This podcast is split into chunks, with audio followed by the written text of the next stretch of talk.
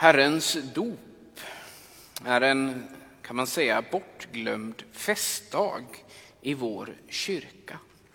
Och det finns en risk att vi, precis som med våra egna dop, reducerar denna händelse till en vacker händelse, ett fint minne som i praktiken får ganska liten betydelse. Och evangelisten Matteus framställer Jesu dop som en ingångsportal för hans offentliga gärning. Men i själva verket är det som ett frö. Herrens dop innehåller allt det som sedan ska följa. När den unga kyrkan började reflektera över dopet i allmänhet och Herrens dop i synnerhet såg de kopplingar till en annan biblisk berättelse innehållande vatten och ande. I början av skapelsen läser vi i Första Mosebok var ett stort kaos. Jorden var öde och tom. Djupet täcktes av mörker och Guds ande svepte fram över vattnet.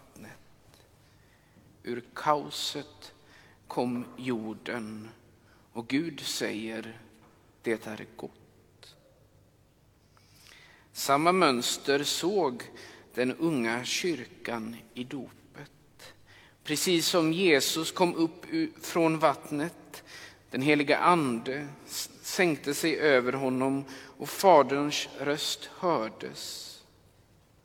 Så hörs i varje dop Guds röst som säger Du är min son, du är min dotter. Det ögonblick då den nydöpta börjar sitt nya liv i förening med Jesus. Alltså mycket tidigt knöts dessa starka symboler av vatten och pånyttfödelse, pånyttfödelse som son eller dotter till Gud, till det kristna dopet. Detta medförde att kyrkan kom att se det som händer i dopet som en restaurering av det sant mänskliga. Att döpas är att återvinna den mänsklighet som Gud först avsåg den. Hans avsikt var att människan skulle växa in i en sådan kärlek och tillit till honom att det rätteligen skulle kunna kallas Guds söner och döttrar. På olika sätt övergav människan den identiteten, glömde den, korrumperade den. Jesus trädde fram, när han kommer, så träder han fram som den nye Adam för att inifrån återställa människan till vad hon borde vara. Detta inifrån visar på nödvändigheten att han verkligen kommer till den mänskliga världens kaos. Där saker och ting är formlösa, ja rent av meningslösa. Ett tillstånd av sårbarhet, utsatthet. För att det sant mänskliga ska kunna födas betyder att denna nya mänsklighet inte alltid kommer att vara framgångsrik i kontroll över sin tillvaro. Utan en mänsklighet som kan sträcka sin hand upp ur kaoset och röra Guds hand. Kristen bör därför inte vara rädd för att med ärlighet se på kaoset i sitt eget inre, liksom där det mänskliga är i fara utanför henne. Dopet betyder att vara med Jesus i djupet, i djupet av mänskligt behov, inklusive djupet av vårt eget jags behov.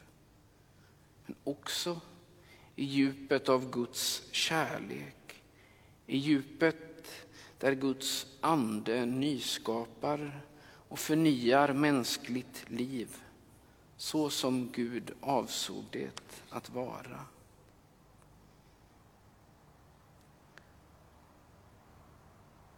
Denna kyrkliga utläggning och tillämpning av det som skedde vid Herrens dop verkligen möjlig? Ja, detta kan sägas vara innebörden av det som Jesus säger till Johannes döparen i dagens evangelium. Det är så vi ska uppfylla allt som hör till rättfärdigheten.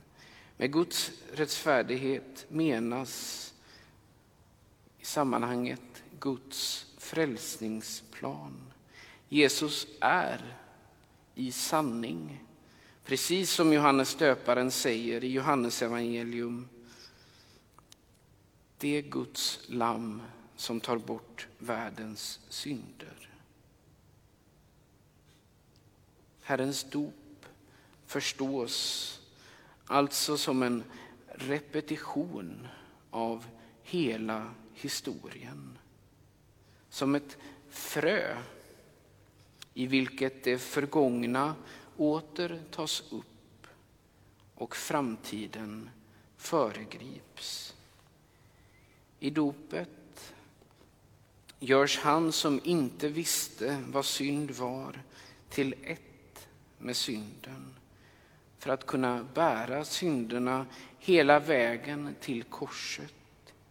Inte som åskådare, utan medlidande.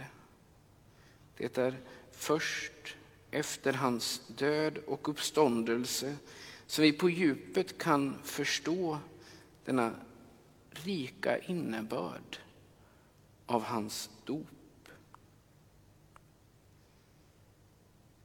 Och för oss att följa inbjudan till dopet och dopets liv betyder att träda in i Jesu dop. Och på detta sätt, i hans identifikation med oss, ta emot vår identifikation med honom. Hans föregripande av döden har för oss blivit vårt föregripande av uppståndelsen med honom. Detta oerhörda tar vi idag, när vi firar Herrens dop, emot som ett frö. Ett frö som är det nya liv som vi har med honom i fullhet. Ära vare Fadern och Sonen och den helige Ande. Så som det var av begynnelsen, nu är och skall vara, från evighet till evighet. Amen.